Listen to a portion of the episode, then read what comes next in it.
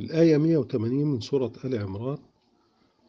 ولا يحسبن الذين يبخلون بما آتاهم الله من فضله هو خيرا لهم. هنا الحديث موجه لمن يبخل. وربنا سبحانه وتعالى بيذكره بأن اللي جالك ده من فضل الله.